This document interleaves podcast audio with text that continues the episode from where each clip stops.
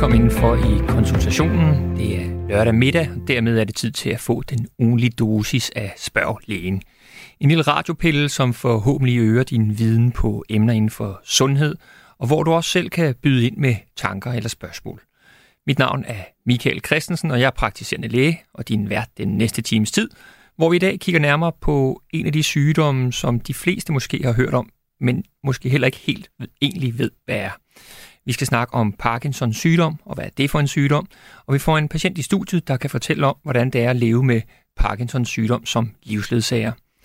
Derudover skal vi kigge på et emne, som også omhandler hjernen sammen med søvn, nemlig skærmvaner og hvordan det påvirker os mennesker, både generelt og særligt i forhold til søvnen. En ny rapport omkring danskernes søvn og søvnvaner har set dagens lys, og det dykker vi ned i. Og så har du jo også medindflydelse på programmet, og det sker i den del af programmet, hvor jeg åbner døren til min radiokonsultation, og hvor du kan stille spørgsmål eller komme med undren til både sundhed og sygdom, og hvad du ellers kan have på hjerte omkring, hvad jeg oplever som læge, eller hvad du oplever som patient. Du bidrager ved at sende mig en mail på sl radio 4dk eller ved at ringe til vores telefonsvarer på telefonnummer 72 20 0400. Og med de ord, så synes jeg bare, at vi skal springe direkte ud i dagens program. Når en person kommer ind i min klinik og får en diagnose, så følger der mange ting med. Det handler selvfølgelig meget om, hvilken diagnose man får. Nogle er mindre slemme end andre, men nogle diagnoser medfører også et ændret livsbillede. Lige pludselig får personen foran mig trukket tæppet væk under sig. Det kan også være, at patienten i virkeligheden godt har vidst, der var noget galt, eller at patienten faktisk allerede er helt klar over, hvad han, hun eller høn fejler. En af de ting, som jeg har lært af at sidde i den stol, som jeg sidder i, er, at folk reagerer meget forskelligt. Nogle reagerer med chok, nogle med benægtelse, og nogle virker til slet ikke at forstå, hvad der bliver sagt. Derfor har jeg og andre praktiserende læger vanvittigt meget fokus på kommunikationen og fokus på at få overdraget den svære besked så godt som muligt. Og derefter også håndtere reaktionen hos patienten er ikke altid nemt, men netop her er det vigtigt, at vi har kendskab til den enkelte patient og forstår, hvorfor reaktionen er, som den er. Og ikke sjældent opstår der også tvivl eller spørgsmål hos patienten efter samtalen, og det er helt naturligt, at man ikke altid kan tage det hele ind på én gang. De samtaler gør indtryk på mig. Hvad enten det er at give besked om, at personen har kraft eller sidde sammen med et par, hvor man skal fortælle dem, at manden for eksempel med stor sandsynlighed har en kronisk sygdom, som vil ændre hans, men også partnerens liv. Den sygdom kunne for eksempel være demens eller Parkinsons sygdom, sygdom som påvirker ikke blot patienten, men mange gange hele familien og omgivelserne. Hvordan er det at være partner til en patient, som langsomt forsvinder eller bliver til en anden? Forestil dig, hvordan det er at skulle tage sig af sin partner, som i den tidligere del af livet har været den stærke person i parrets liv. Og derfor er det også vigtigt, at der ikke kun er fokus på patienten selv, men også på hustruen eller ægtemanden. For nylig læste jeg, at en af Danmarks store kulturpersonligheder, øh, filminstruktøren Lars von Trier, har fået diagnostiseret Parkinsons sygdom. Og det gav mig anledning til at tænke lidt over de patienter i min klinik, som også har den diagnose eller andre af de her kroniske diagnoser, som kan påvirke personligheden og det, vi kalder funktionsevnen. Jeg har haft flere forskellige forløb med patienter med Parkinson, og blandt andet gjorde det stort indtryk, da jeg fik en ældre herre, som var ret langt henne i sin Parkinson, tilknyttet min klinik. Han lå primært sengeliggende derhjemme, blev passet og plejet med fuld hjemmehjælp, og hvor hustruen også havde påtaget sig plejerollen. Han kunne dårligt hoste slim op af lungerne og havde ikke kræfter til at tale, så dårlig var han. Men alligevel kunne man fornemme den varme og kærlighed, der var mellem ham og konen. Til sidst måtte han give op, men hans forløb står stadig meget tydeligt for mig. Det gav mig lyst til, at vi i dag skal fokusere på Parkinsons sygdom, så vi sammen får en bedre forståelse for, hvordan det er at leve med sådan en diagnose, hvad enten man er patient eller familie. Ja, som nævnt kan Parkinsons sygdom være en barsk diagnose at få, en kronisk sygdom, som typisk bliver gradvist værre med tiden. Det er som regel en sygdom, som kommer senere i livet, men jeg kan for eksempel nævne Michael J. Fox, en skuespiller, som de fleste af os i det lidt ældre segment kan huske fra blandt andet tilbage til fremtiden filmene, som fik konstateret Parkinsons sygdom i en alder af 29 år. Måske har du kun hørt om sygdommen af navn, måske har du den selv, eller måske en af dine pårørende. I 2021 regnede Parkinsonforeningen sig frem til, at der i Danmark er ca. 12.000, der lever med Parkinson, og at der hvert år er ca. 1.500 personer, der får Parkinsons sygdom. Parkinson fylder egentlig ikke så meget i hverdagen i min klinik, men når den endelig viser sit ansigt, er det en af de der diagnoser, som er lidt tunge at skulle give patienten besked om. Som regel gives den endelige diagnose af en neurolog, altså en specialist i hjerne- og nervesygdomme, men forud for det ligger der måske en længere periode med flere diffuse symptomer, og hvor det har udviklet sig så langsomt, at øh, vedkommende måske har været igennem flere undersøgelser. Til gengæld kan det også nogle gange være klokkeklart, hvor patienten kommer op til mig med klare symptomer, og hvor jeg efter en konsultation, hvor jeg snakker med patienten og laver en neurologisk undersøgelse, du ved, hvor jeg slår reflekser med min reflekshammer og lyser i øjnene og undersøger, hvordan du bruger arme og ben. Og efter den konsultation, så henviser jeg typisk til enten det, der hedder en privatpraktiserende neurolog, eller til sygehuset, så patienten kan blive undersøgt yderligere. Det er det, vi kalder en klinisk diagnose, altså en diagnose, der kan stilles på baggrund af sygehistorien og lægens undersøgelse, men ikke sjældent scanner man hjernen for at se, om der skulle være noget andet på spil i de tilfælde, hvor det ikke er helt klart. For at kunne forstå sygdommen lidt bedre, har jeg neurolog Steffen Wørlich Petersen med på telefonen. Velkommen til, Steffen. Tusind tak. Og så er, så, så er jeg så heldig at have Jan Petersen med i studiet. Jan, du har Parkinsons sygdom og kan fortælle, hvordan det har været at leve med sygdommen. Velkommen til. Tak skal du have. I må gerne øh, begge byde ind når som helst, men til at starte med, så, så vil jeg gerne høre dig, øh, Steffen Petersen. Hvad er Parkinson egentlig for en sygdom? Det er jo, som du siger, en kronisk sygdom, øh, som kommer ud af det blå. Øh, oftest hos folk, der er lidt ældre, men også hos øh, yngre. Så man skal så at sige være opmærksom på, hvad det er for kliniske symptomer, man har. Øh, det har også det i sig, at det er en, du også nævnt, at det er en progressiv sygdom. Det vil sige, at det er en sygdom, som udvikler sig over tid. Øh, heldigvis så går det ofte meget langsomt for langt de fleste, men, men symptombilledet vil være tydeligere over tid. Man, man deler så at sige øh, symptombilledet op i to øh, principielle øh, grundpiller. Det ene det er det motoriske, altså, fordi det, som alle patienter har, det er jo langsomhed, og så har to tredjedel rystelser. Men øh, den anden gruppe er de ikke-motoriske symptomer, som, som kan være alt muligt fra vandladningsproblemer til forstoppelse og synsproblemer. Og den gruppe af symptomer er ofte meget, meget større. Og det er vel også noget af det, der kan gøre nogle gange, tænker jeg, at Parkinsons sygdom, som du selv siger, det er jo noget, der kommer gradvist og udvikler sig gradvist. Det kan være lidt svært at, at fange fra starten nogle gange, hvis det ikke er de her klare, det vi kalder motoriske symptomer, altså stivheden, langsomheden osv. Præcis, fordi det, det, som, det som du siger, altså 10 gange ud af 10, så kan det være en meget nem diagnose at stille, andre gange kan det være rigtig svært. Og der er tiden et aspekt i, at man ved, at det er jo en udviklende sygdom. Så det er noget med at give det lidt mere tid. Ja. Det kan godt tage op mod et år, inden man ligesom har, har fanget, at oh, det er faktisk det, det drejer sig om. Og Steffen, hvad er det egentlig, der sker øh, inde i kroppen eller inde i hjernen? Hvad, hvad er det for en sygdom? Ja, det er jo en hjernesygdom. Øh, det er jo ikke kun en bevægelsesygdom, men det er en hjernesygdom. Så, så det er også andre centre i hjernen, der bliver påvirket. Øh, men det er meget subtilt, og, og det handler om, at øh, nogle af, uden man egentlig ved årsagen til det, øh, specielle proteiner i hjernen ophobes i cellerne og, og påvirker cellens miljø, nervecellernes miljø, således at man får en langsom udvikling af sygdom. Og så har vi jo øh, Jan med i studiet her. Øh, Jan, jeg kunne godt tænke mig egentlig at høre lidt om, du har Parkinsons sygdom. Ja. Kan du ikke fortælle lidt om, hvordan startede, øh, hvordan startede dit forløb? Hvad, hvad skete der?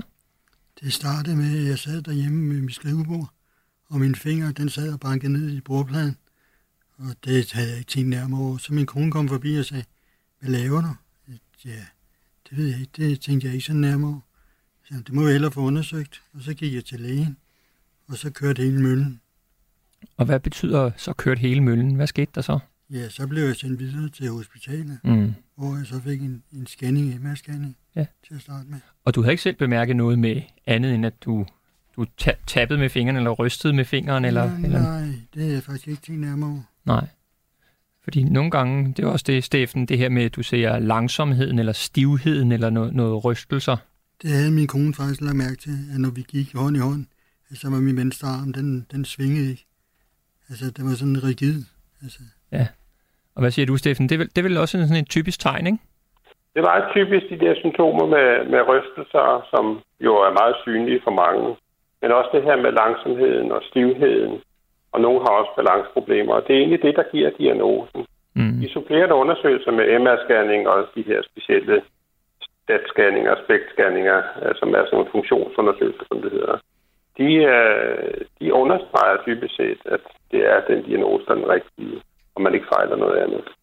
Nej, og det er jo det, vi snakker, eller jeg snakker om til at starte med, det her med, det er en klinisk diagnose, så principielt behøver, jeg tænker, du har set uh, relativt mange af de her tilfælde, så du, du kan, som du selv siger, 10 ud af 10 af gangene kan, kan du finde det, og så er der selvfølgelig nogle også, der er svære.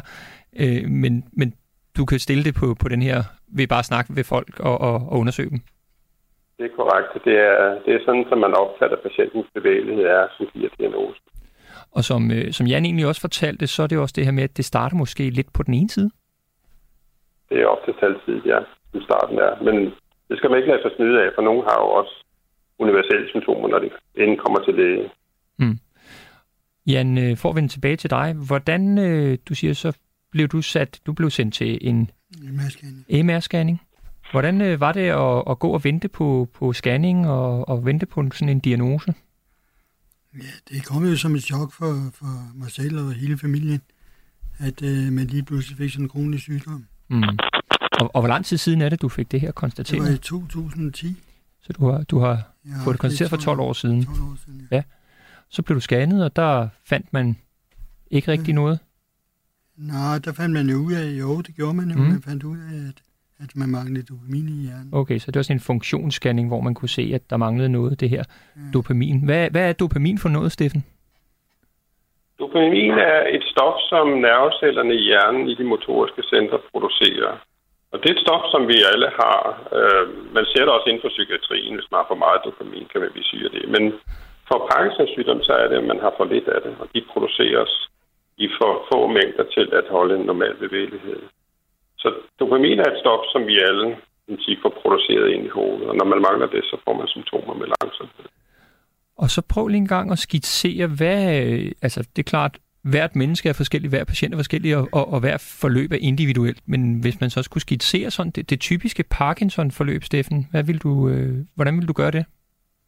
Hvad fortæller du dine patienter? Altså, øh, når jeg har en patient, som får diagnosen, så er det jo lidt af en mavepuster at få det. Øh, men, men man bliver også nødt til ligesom at, at fortælle patienten, at, at det er jo godt nok en sygdom, men det er jo også en tilstand.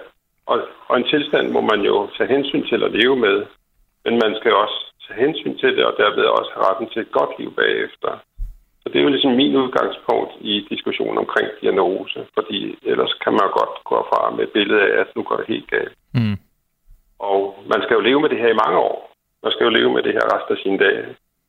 Så på den måde bliver man nødt til at forholde sig til det. Man kan også godt sige, at alder er jo også en tilstand. Det må vi jo forholde os til alle sammen. Øh, men vi har jo stadig retten til et godt liv. Og mm. det er jo det, som man skal indtale patienterne, at selvom du har den her sygdom, så har du stadigvæk meget god ret til at have et godt liv og et frit liv og et tilfredsstillende liv. Mm. Selvom du har de her sygdomme, eller selvom du har den her sygdom. Fordi det er jo en langsom progressiv sygdom, så det går jo mange år inden, at man nødvendigvis får problemer. Og det ved man, at det ligger omkring en 5, 6, 7 år, inden at symptomen for, for mange steder rigtig gør sig påmindet. Og så kan man sige, så er det klart, så er der jo også noget medicinsk behandling, der gør, at man kan udsætte øh, forløbet, eller i hvert fald øh, bedre patientens øh, funktion eller mindske symptomerne. Det er jo helt oplagt, at man skal starte med medicin så hurtigt som muligt, for at lindre de gener, patienten har. Det er ikke det samme som, at man kan vride klokken tilbage og gøre folk fuldstændig raske eller normalt igen. Men deres øh, patienternes funktionalitet og evnen til at gøre de ting, de gerne vil, bliver meget bedre og mere stabil. Og den medicinering, det er jo noget, man fortsætter med livslangt. Ja, jeg kunne lige tænke mig at høre dig, Jan. Øh, nu snakker vi om, hvordan det startede. Udviklede det sig så stille og roligt? Hvordan oplevede du det? Ja, det startede jo med en finger. Ja. Og så blev det værre, og så blev det hele armen, så sad og ryste. Og sidst var det hele kroppen. Mm. Og da du så, øh, jeg tænker, nu kan vi snakke lidt medicin og behandling her. Øh, hvis vi starter bare med medicinen, for der er jo flere forskellige slags behandlinger. Du har prøvet at få medicin for det? Ja. ja. Hvordan oplevede du, at, at, da du startede på den medicin? Hvad skete der? Nå, men det hjalp jo i starten. Ja. Jeg startede med at få dopamin. øh, Cinemet. Og det virkede i starten, men øh, efter Hvordan virkede det? Ja, det virkede jo ved, at jeg ikke rystede så meget, som jeg, jeg gjorde i ugen. Men det blev ikke ved med at virke? Nej, det gjorde det ikke. Og så fik jeg jo flere og flere piller. Ja. På et tidspunkt spiste jeg 28 piller om dagen. Okay, så det, det var lige før du slap for at spise frokost, så? Ja, det kan man godt sige. Ja. Mm. Steffen, øh, når nu vi snakker medicin her, prøv lige at fortælle ja. lidt om, hvad, hvad, hvad, hvad er behandlingen? Det er jo en mangelsystem, man har, og den type mediciner, man har, er for at supplere med det, man mangler. Så det, man bruger for eksempel, det er jo et stof, der hedder levodopa, som omdannes til dopamin eller andre lægemidler, som er mere syntetisk fremstillet og som virker som dopamin. Så det, det handler om, er at supplere med det, man mangler. Og det gør man ofte i relativt beskedende mængder i starten, og så er det præcis som Jan siger, så må man øge medicineringen over tid med mere tabletter og højere doser. Og så, hvis man bliver meget syg, så kan man også ændre hele doseringen til noget pumpebehandling. Mm. Så der er mange tilbud til patienter i forhold til behandling. Hvordan fungerer den der, øh, fungerer det godt med den medicinske behandling, synes du? Det er mit indtryk, at patienter er meget glade for det. Det, som måske er den store frustration, det er, at man ikke så at sige, kan blive normal, eller helt normal igen mm. i sine bevægelser. Og det, det er måske det, som også er diskussionen med de her øh, konsultationer, vi har som neurologer med patienterne, at øh, ja, vi kan gøre noget, men vi kan måske ikke øh, gøre dig helt rask igen. Nej, det er måske netop det her med accepten af. Det er en kronisk og fremadskridende ja. sygdom, så selvom vi går ind og behandler og gør, hvad vi kan, så kan vi ikke fjerne det. Præcis.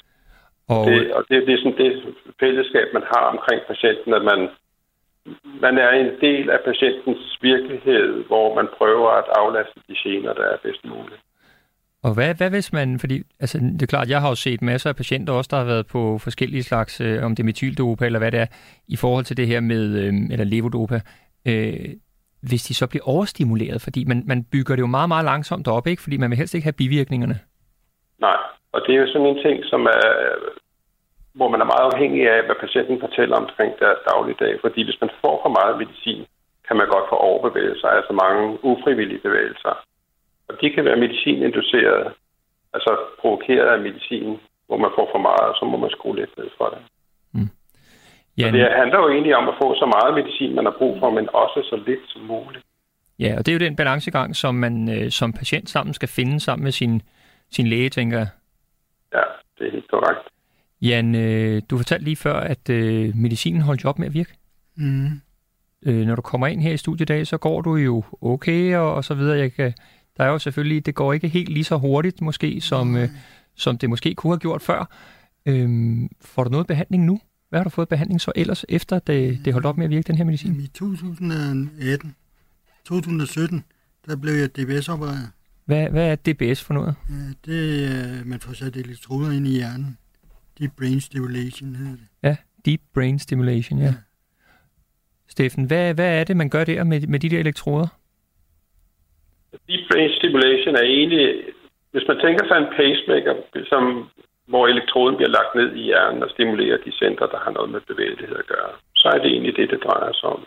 Og der har man en kontinuerlig stimulering over hele dagen, således at patientens bevægelighed bliver bedre. Et operativt indgreb, som øh, mange kan klare uden problemer, og som, som øh, i betydelig udstrækning bedre øh, patientens tilstand, men også at det er en del af den her mere avancerede behandling, man kan give til patienter. Og hvordan er det altså helt konkret? Får man åbnet kraniet og så lagt ind, eller hvordan lægger man de der elektroder?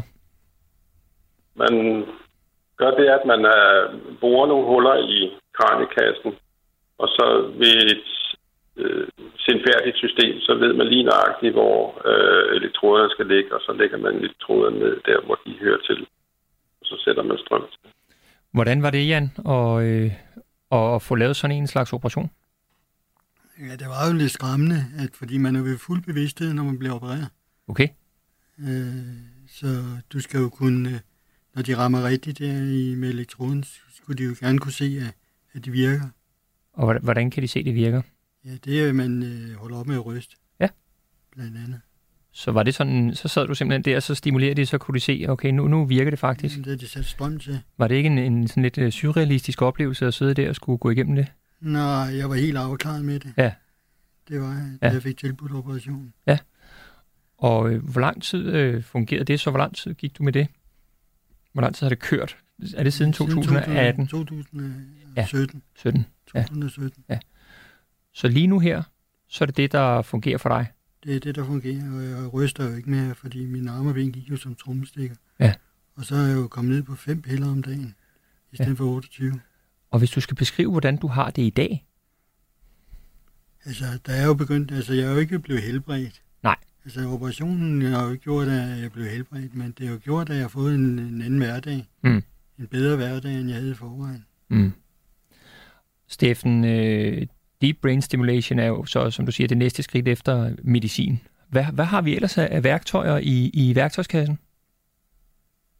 De andre behandlinger til, til mere svære Parkinsons sygdom, det er jo de her pumpebehandlinger, hvor, hvor man øh, så at sige gennem mave øh, lægger en sonde ind, og så øh, giver medicin konstant hele tiden øh, til en sonde ned i tyndtarmen, hvor medicinen optages. Og det er almindelig sådan, standard øh, tabletmedicin, som, som er lavet i flydende form, og som man så indgiver hele tiden. Og også med super god effekt og meget effektivt.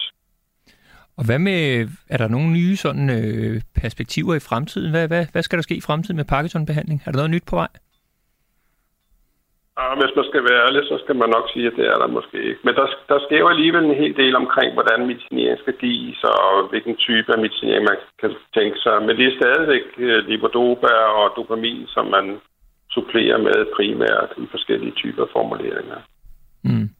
Men det vi ved, og det vi har, det fungerer rigtig effektivt. Så, så man skal også se det som en...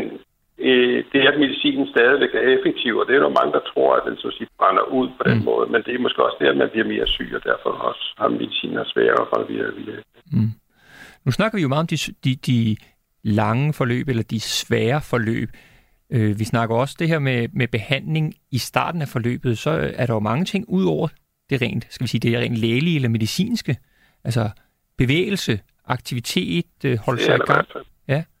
Hvad, hvad, Altså- hvad, er det for, altså, hvad, hvad, hvad gør det? To grundpiller i behandling er jo, den ene er den medicinske del, hvor man supplerer med det, man mangler og giver noget medicin for det. Den anden del er jo det fysiske, at man er fysisk aktiv. Og det ved man jo, at det gør en forskel for hvor patienternes velbefindende og hvordan de fungerer. Så fysisk aktivitet, om man så går i fitnesstræning eller får vederlagsfri fysioterapi, det er egentlig lige meget, bare man er meget aktiv. Og lad- Fysisk. Lad os lige, øh, du, nu, nu bruger du ordet vederlagsfri fysioterapi. Det er jo det her med, at når man har sådan en sygdom som Parkinson, så er der mulighed for, at man kan gå til sin øh, læge og, og få en henvisning til en fysioterapi. Øh, ja. Vederlagsfri, det vil sige uden betaling, det vil sige gratis, fordi det har man besluttet sig for. Altså, det er så vigtigt, at man bliver trænet igennem og bevæget igennem. Præcis. Og, Og så findes der jo selvfølgelig også øh, træningsrehabiliteringscenter gennem Parkinsonforeningen, som har fået etableret en utrolig vigtig del af den rehabiliteringsindsats. Eller de her øh, træningsentiteter, der findes i Skelskør og i Aarhus, øh, Sano. Og man har også mulighed for at komme til Montebello i Spanien for træning, hvor man har fokuseret fysisk træning omkring Parkinsons symptomer og de gener, man måtte have. hvor meget kan det betyde? Den fysiske Jeg tror, det træning? betyder alt, alt muligt. Altså, det, det er en stor forskel fra at kunne have den her fornemmelse af ikke at kunne bevæge sig til at kunne trods alt være delagtig i at kunne give sig selv en bevægelighed. Hvad, kan du huske selv, Jan, da du kigger tilbage? Hvad, hvad gjorde du, da du... Har du lavet noget træning? Har du gjort noget? Hvad, du fortalte mig faktisk, du, du har mødt Steffen før på Sano. Ja, det er rigtigt. Øh, inden jeg fik Parkinson, der har jeg løbet maraton. Så jeg var rigtig aktiv og spille fodbold der.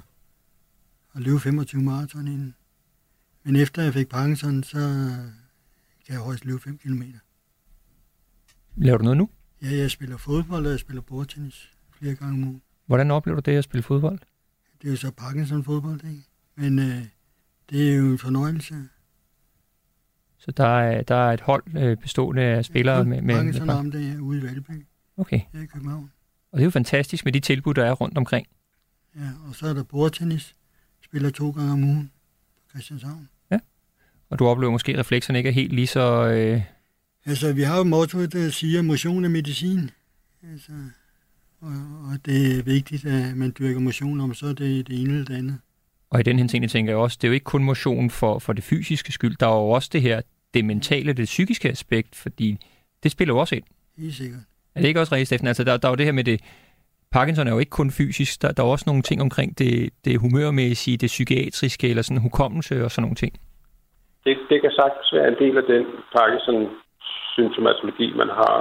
Men det, som man også skal tænke på, det er jo det her med, når man er sammen i en gruppe, så ser man jo også andre med samme problemstilling, man har, og kan hjælpe hinanden til at støtte det.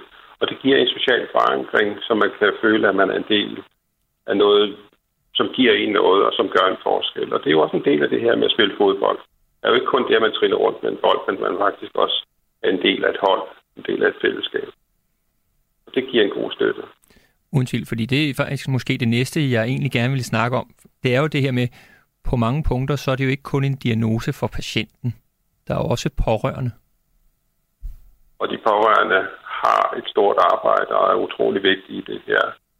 Måske nok øh, lidt glemt i den her diskussion, fordi det er så fokuseret omkring patienten. Men det er jo godt nok patienten, der har sygdomme, men de, de pårørende og dem, der er omkring patienten, som bliver ramt af eller påvirket af patientens sygdom. Så det er vigtigt, at man har den der åbenhed og diskussion, når man både støtter og hjælper hinanden bedst muligt. Men de pårørende er meget udsatte, for der er meget arbejde i det. Måske ikke så meget i starten, men i hvert fald, når man bliver mere syg. Ja, så som du siger selv, en, en dialog. Hvordan er det, Jan, med, med dig og familie? Har du noget øh, familie? Ja, ja, jeg er gift på Ja. 30 år. Og hvordan, øh, hvordan håndterer øh, du og din kone det, at øh, du har Parkinson? Altså, min kone, hun går meget op i det. Altså, hun er meget støttende. Altså, og jeg har også to store drenge, som, som øh, også har deltaget i, at, øh, ja, hvad kan man sige, De har været med til at støtte op og være Jeg har været aktive. med til at støtte op om, og, og hele tiden være med på sidelinjen, og, og vidste, hvad der sker, og hvad, hvad der er sket også med, i forbindelse med min operation. Så herfra er også e- e- egentlig at slå et slag for, at, øh, at man lige husker, at, at der er flere involveret end bare patienten, og, og man kan sige, nu nævnte du selv, Steffen, også Parkinson-foreningen før, det er jo også, hvor der er nogle tilbud. Ja, altså det, der er rigtig mange tilbud, både socialt, men også fysisk gennem Parkinsonforeningen. Og det er jo vigtigt, at man både som medlem øh, bakker op omkring de aktiviteter, der er. Hvordan er det? det er, jo, det, er jo, det, er jo, det er den her dialog, man har med de pårørende, som også er vigtig, for det er jo også vigtigt for, for patienten og for dem, der er tæt på, at de forstår, hvad det er for type af sygdom, man har, og hvordan det udvikler sig. For der er rigtig mange spørgsmål i det her, så hvor man tænker, det kan da ikke have noget med Parkinson at gøre. Og jo, det har det. Så man må gerne spørge, man må gerne være, være åben over for, for neurologen øh, eller øh, Parkinson-sygeplejersken, som, som man sidder overfor og siger, kan det her have noget med, med, med min sygdom at gøre, og hvad skal man så gøre ved det? Ja, for som du selv siger, altså, og det der sker, det er jo, det er jo ikke kun øh, kroppen, altså arme og ben, der er jo tarme, der er alle mulige ting, som spiller ind. Ja, Derfor så, ser, så bliver jeg jo også involveret mange gange i patienter med Parkinson-forløb, fordi der opstår alle mulige andre øh, små problemstillinger, som følger det her også, ikke? Præcis. Steffen, øh, hvis vi øh, afslutningsvis øh, skal snakke lidt om, hvad skal man være særlig opmærksom på? Hvad skal man kigge efter, hvis man tænker, at der er en person, der har, har Parkinsons sygdom? Det, som man skal tænke på, det er, at man stadigvæk ser det menneske, man har overfor sig som et helt menneske. Måske, vi kan jo alle sammen blive ramt af sygdom, og det kan også give nogle funktionstab. Men vi har stadigvæk retten til at blive set som et helt menneske, som, som skal vurderes på den måde, som vi plejer at gøre. Og hvis vi Der er snakker mange, der føler sig stigmatiseret af at have øh, en sådan sygdom, og, og der må man gerne være åben, men man behøver ikke nødvendigvis diskutere det med alle. Nej, og hvis man så skal snakke om nogle fysiske symptomer, man sådan skal holde øje med, eller sådan, altså hvad er det, vi kigger efter? Hvis man nu tænker, jeg har en, en, en mormor her, som jeg sådan, altså hvad er det, vi, vi Ja. kigger efter? Det er primært bevægehæmningen. Altså, at man ændrer sig over relativt kort tid i forhold til det, man ellers plejer at kunne. Det er ofte det, som jeg synes, måske man ser vi bliver alle ældre og ændrer vores bevægemønster. Men når det bliver ligesom tungt at bevæge sig, det er det, man skal øh, falde over. Eller hvis man begynder at ryste, for eksempel. Øh, rystende hænder. Øh, så skal man lige snakke med sin egen læge om, hvad er det her egentlig for noget. Og Jan, øh, nu øh, har du jo Parkinson. Du er 12 år henne i, i forløbet og får deep brain stimulation stadigvæk. Men jeg hører også, du har et, et, et aktivt liv. Ja, jeg, jeg er stadig på arbejdsmarkedet. Ja. Arbejder 20 timer om ugen. Og været 19 år på den skole, hvor jeg. Så det betyder meget, at man har noget at se til i hverdagen. Så er jeg meget aktiv i Parkinsonforeningen. Blandt andet næstformand i København Frederiksberg afdelingen. Og du tager også ud og holder foredrag øh, tager ud og holder skoler. foredrag om min uh, deep brain stimulation. Ja. Så hvis Og du det siger jo netop, undskyld, og det siger jo netop noget om, hvor aktiv man kan være, trods man har haft sygdom i mange år. Øh, stadigvæk være engageret socialt, øh, foreningsmæssigt og fysisk i, i det, man går og laver. Så, så det, er, det er svært at have Parkinsons sygdom, men, men man kan stadigvæk godt have et godt og tilfredsstillende liv. Og jeg tænker, at øh, med de ord, så øh, vil jeg sige tak til Jan Petersen og til neurolog, altså specialist i nerve- og hjernesygdom, Steffen Wørlich Petersen. Tak fordi I var med til en snak om øh, Parkinson. Unge sover ikke nok, og det skyldes hovedsageligt for meget brug af computer, tv, tablet eller telefon inden sengetid. Så lyder det i en rapport fra Statens Institut for Folkesundhed, der udkom for ikke så længe siden. I den rapport har man undersøgt danskernes søvn som en del af sundheds- og sygelighedsundersøgelsen i 2021. Viser, at omkring halvdelen af danske unge i alderen 16-24 siger, de ikke får nok søvn til at føle sig udvildet dagen efter. Og når man så dykker ned i rapporten og tallene, så viser det sig, at ca. 80% af de unge mænd og 70% af de unge kvinder får dårlig søvn på grund af skærm. De kommer ganske enkelt for sent i seng, fordi de ligger med underholdning på telefon, computer eller anden skærm. Og jeg får faktisk af til unge mennesker op i klinikken, som har dårlig søvn, og en grundlæggende del af min konsultation er blandt andet at snakke almindelige søvnråd, og det gælder også skærm inden sovetid. Af og til har jeg også haft unge mennesker, der har haft deres mor eller far med ind til konsultationen, og ikke sjældent så hører man moren eller faren sige til den unge, jeg sagde det jo. Ja, en gang imellem så skal man høre det fra en læge. Jeg er ikke sikker på, at det er lige netop øh, mit bidrag, der gør forskel, men grundlæggende handler det om at ændre en vane og for nogen en afhængighed. Og der er vist ikke tvivl om, at skærm fylder meget. Man skal bare kigge ud i bybilledet, så ser man folk fordybe i deres skærm, så de er jo nok kommet for at blive. Øh, så vi kan lige så godt kigge på, hvordan vi skal håndtere det. For at kunne øh, svare på det spørgsmål, så har jeg fået Imran Rashid, speciallæge i almedicin, øh, foredragsholder og forfatter til blandt andet bogen Sluk, og så er du sundhedsfaglig direktør i en tech-virksomhed, øh, Lenos. Øhm, Imran, jeg kunne godt tænke mig at snakke om skærm og dårlig søvn. Hvad sker der egentlig, når Jens på 22 år, han ligger der med skærmen, inden han ligger sig til at sove? Jamen, øh, det kommer jo selvfølgelig an på, hvad Jens han bruger skærmen til. Altså, det er jo lidt øh, med, med digital øh, stimulation, som det er lidt med, med mad. Altså, afhængig af hvad du spiser, så påvirker det dig på forskellige måder.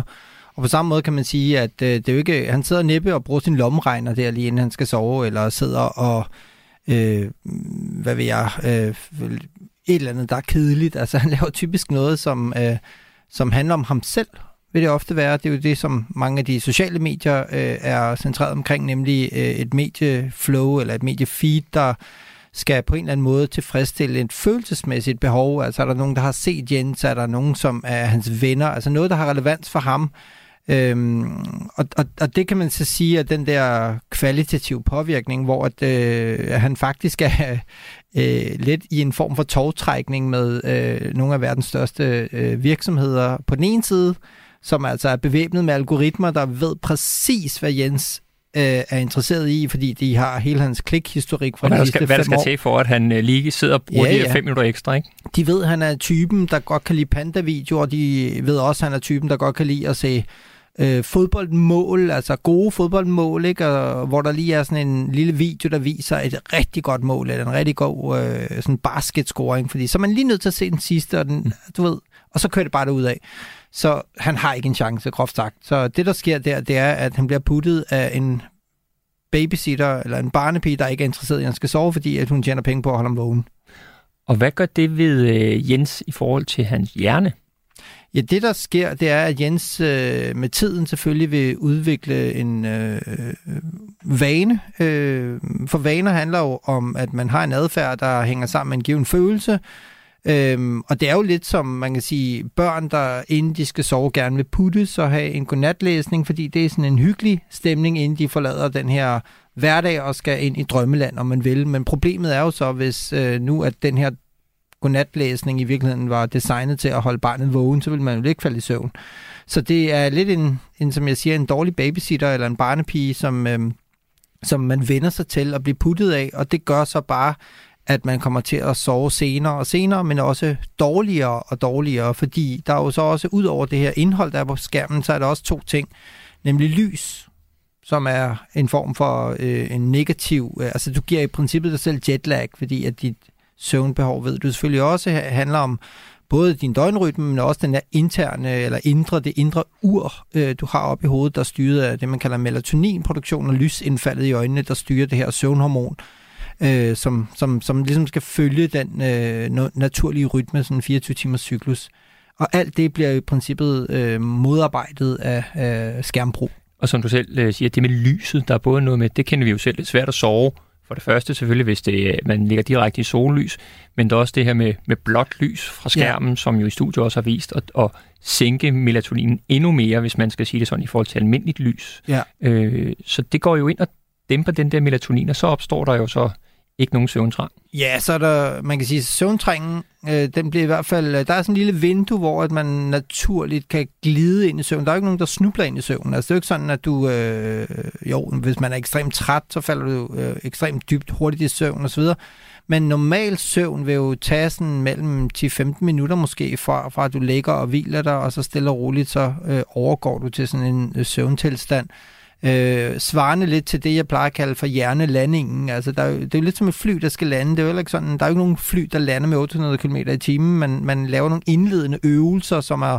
sluklyset i kabinen, og øh, landingsstillet øh, kommer frem, og, og øh, altså, der sker, den sætter farten ned, så man kan dale ned, øh, og på samme måde skal hjernen også øh, øh, vendes til en lidt langsommere databearbejdning, end den måske har været i gang med hele dagen. Og det passer meget godt også med alle de her søvnråd, vi snakker ja. om, at sørg nu for, at værelset ikke er for varmt eller Præcis. koldt, sørg for, at du ikke er for sulten eller for mæt, og sørg for netop skærmen slukket, eller hvad det nu er, øh, som du selv siger, så man egentlig forbereder det. Og det samme også, nogen snakker om, at i soveværelset er det overhovedet nødvendigt at have skærm, eller Ja. Sådan, ikke?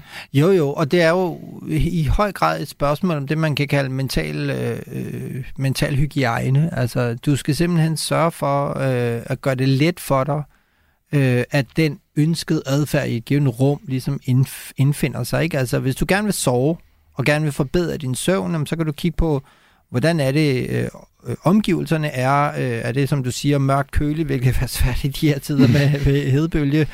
Øhm, men er det, er det, er det øh, altså, øh, det er den ene ting. Hvis du så har lidt svært ved at falde i søvn, fordi det er for varmt, så skal du i hvert fald ikke have noget, du kan tage dig til, som gør det endnu sværere for dig. For eksempel, hvis du ligger med, med øh, telefonen øh, øh under hovedpude, fordi det er jo igen den her, sådan, øh, hver eneste sekund, og det er specielt for unge er det jo sådan, at de ved jo hver eneste øjeblik, de er væk fra telefonen, så er de i, i virkeligheden går de jo glip af noget. Ikke? Så der er jo også den her, at vores søvn lige pludselig bliver en form for distraktion fra Snapchat-episoderne, eller hvad det nu måtte være. Ikke? Så vi snakker det der med det, der hedder FOMO, ja. Fear of Missing Out, altså det her med, at man er bange for at gå glip af noget, og derfor så ligger man lidt hele tiden og er på, ja. øh, om det så er Snapchat eller andre sociale medier, eller hvad det er.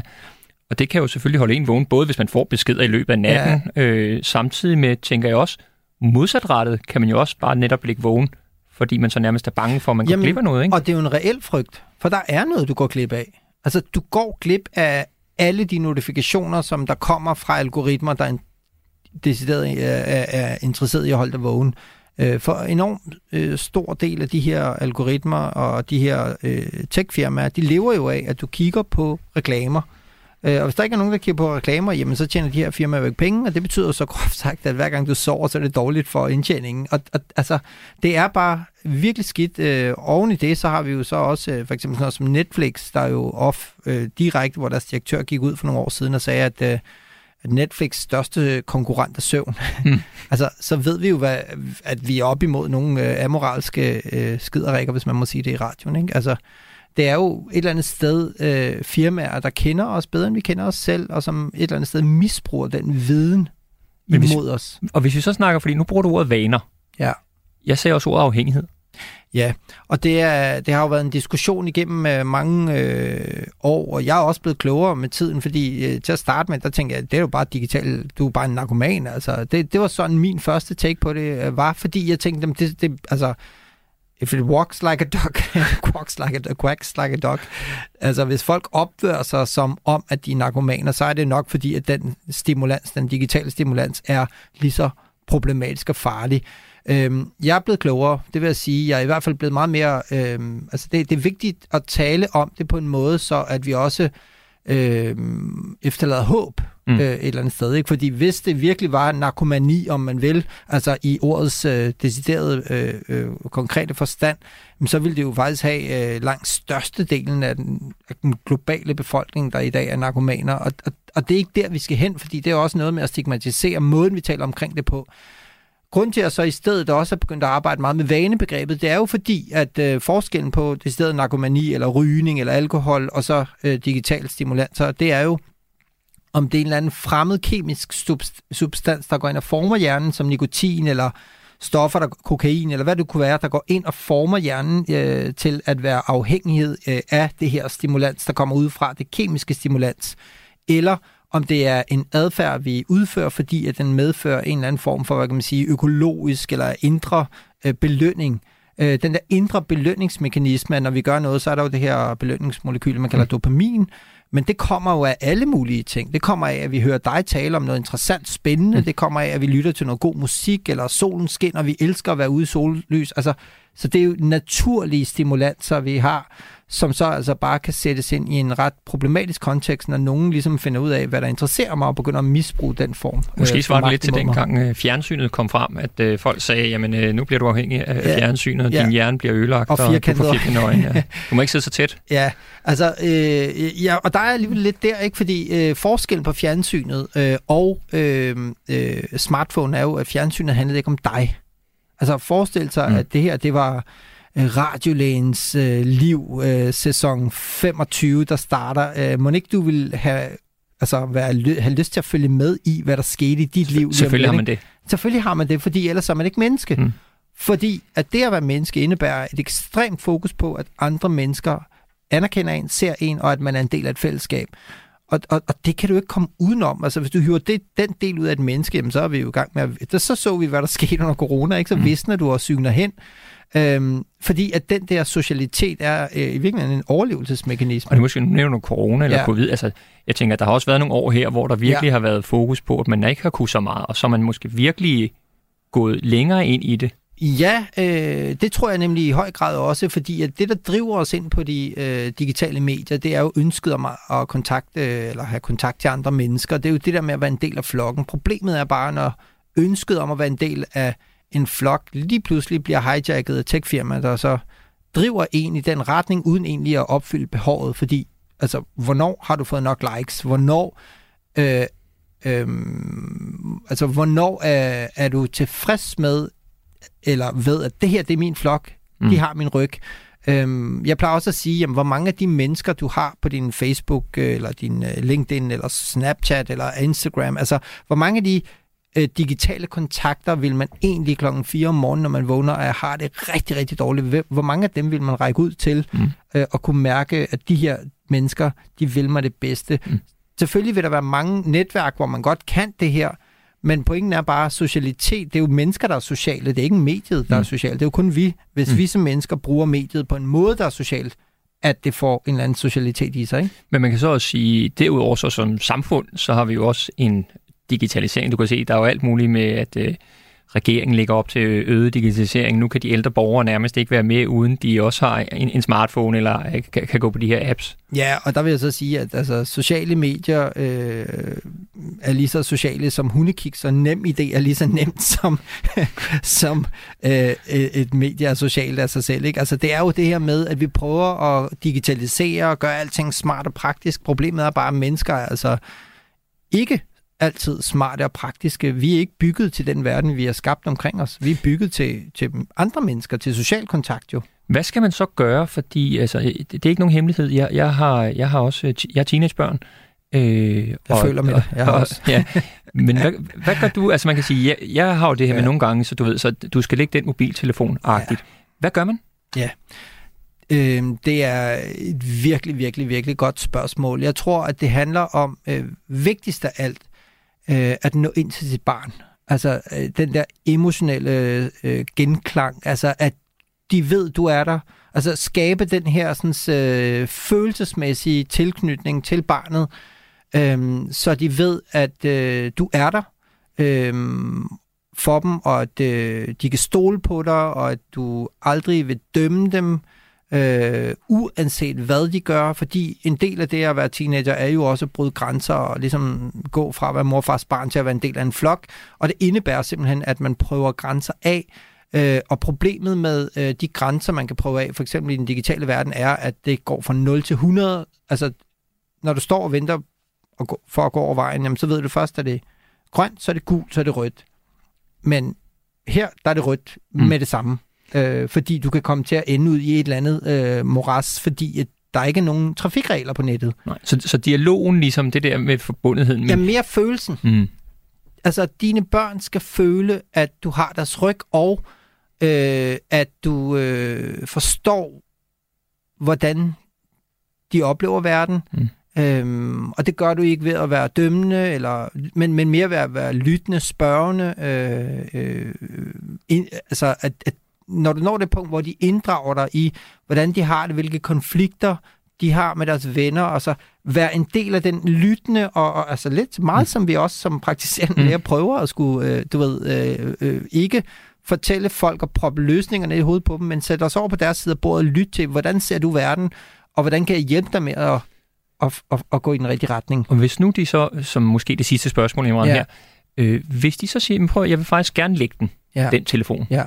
Er der nogle konkrete tips? Hvad, hvad, har du ja, noget sådan? Helt konkret, så tror jeg, at det, man skal prøve at få øh, arbejdet ind hos de her øh, unge mennesker, der har det svært med for eksempel skærmbrug, og i virkeligheden vil jeg nok så også sige, at øh, der er jeg ikke et hak bedre, og du er formentlig heller ikke øh, bedre. Øh, du skal også se, hvor mange, der lige har lyttet med her på radioen, ikke? Øh, og lige se, hvor mange likes du får på din øh, post osv. Så, videre. så jeg tror et eller andet sted, vi skal se det som et menneskeligt fænomen, at hvis vi omgiver os med ting, som har vores opmærksomhed, og som handler om os, og vi er interesseret i at finde ud af det.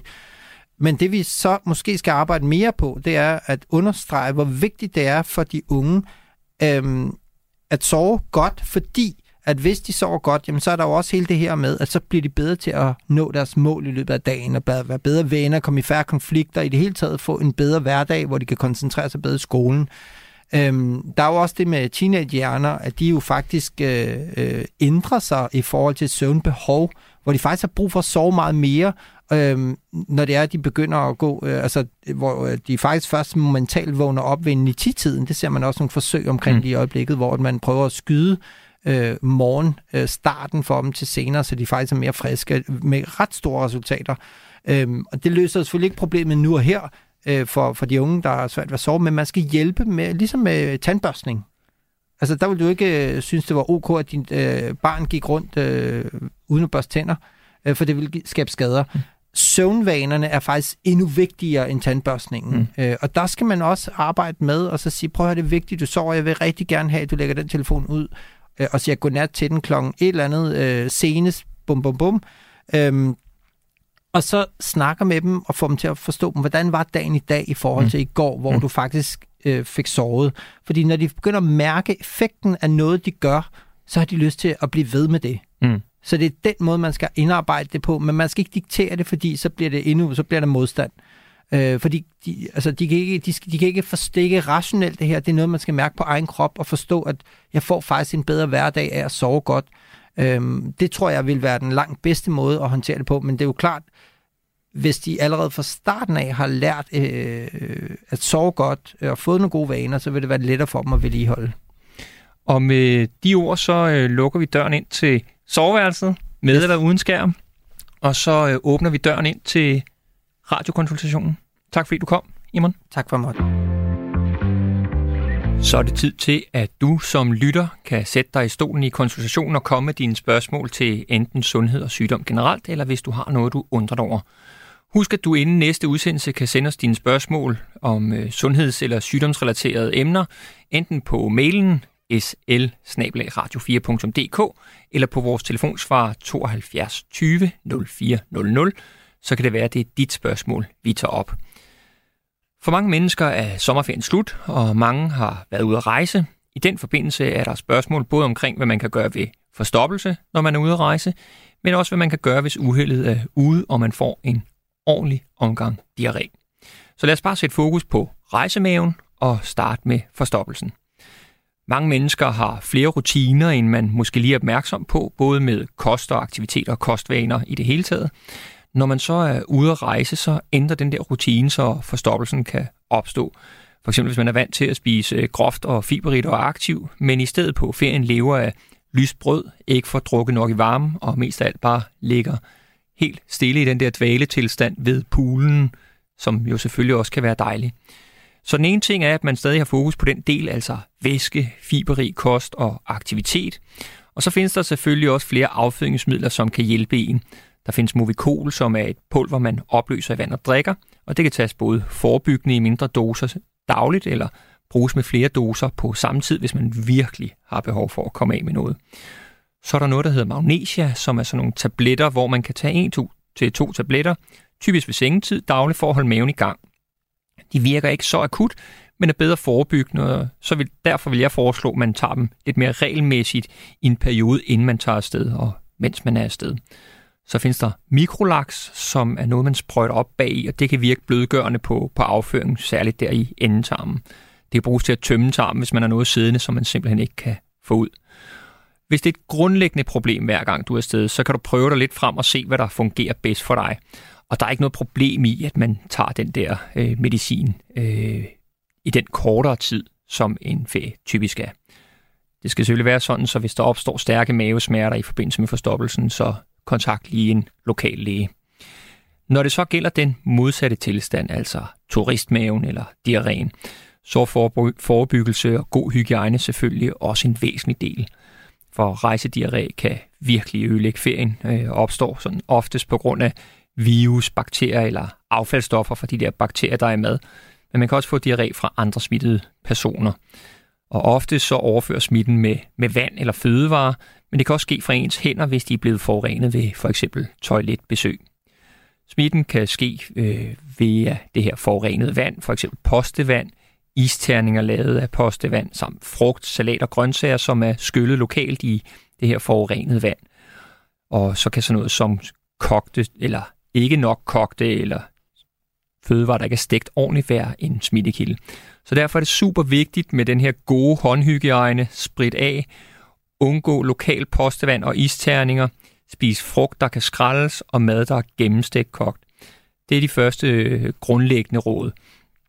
Hvis uheldet så først er ude, så er det selvfølgelig vigtigt, at du følger med i forhold til at få væske, salt og sukker.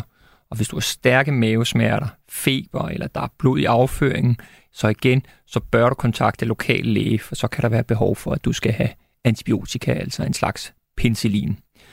Jeg plejer ikke at anbefale, at man tager stoppende midler, som for eksempel noget, der hedder loperamid. Måske kender du det som Imodium. Det tager man kun i særlige tilfælde. Det skal kun bruges i højst 48 timer, og ikke til børn under 12 år, uden at der er en læge, der er involveret. Og jeg plejer gerne at sige, at det er kun, hvis man har brug for lige at holde, på, holde det inde, mens man skal flyve hjem, sådan så man kan komme hjem til gode gamle Danmark. Det var øh, denne runde af lytternes udfordringer og spørgsmål. Husk, du kan skrive til os på sl radio4.dk eller lægge en besked på vores telefonsvar på telefon 72 20 00, hvis du har noget på hjerte, eller som du ønsker, vi skal kigge nærmere på. Nu er det ved at være tid til at lukke for radioklinikken for i dag. Tak fordi du hørte med, og tak til de lyttere, som har budt ind. Mit navn er Michael Christensen, din læge og radiovært. Oliver Breum er redaktør. Skærmfri eller ikke, veludvilet eller ikke, så håber jeg, at vi lyttes ved næste lørdag, når vi er tilbage kl. 13.05. Og husk, at hvis lige det tidspunkt ikke passer ind, så kan vi downloade som podcast. Ha' en god weekend. Vi lyttes ved.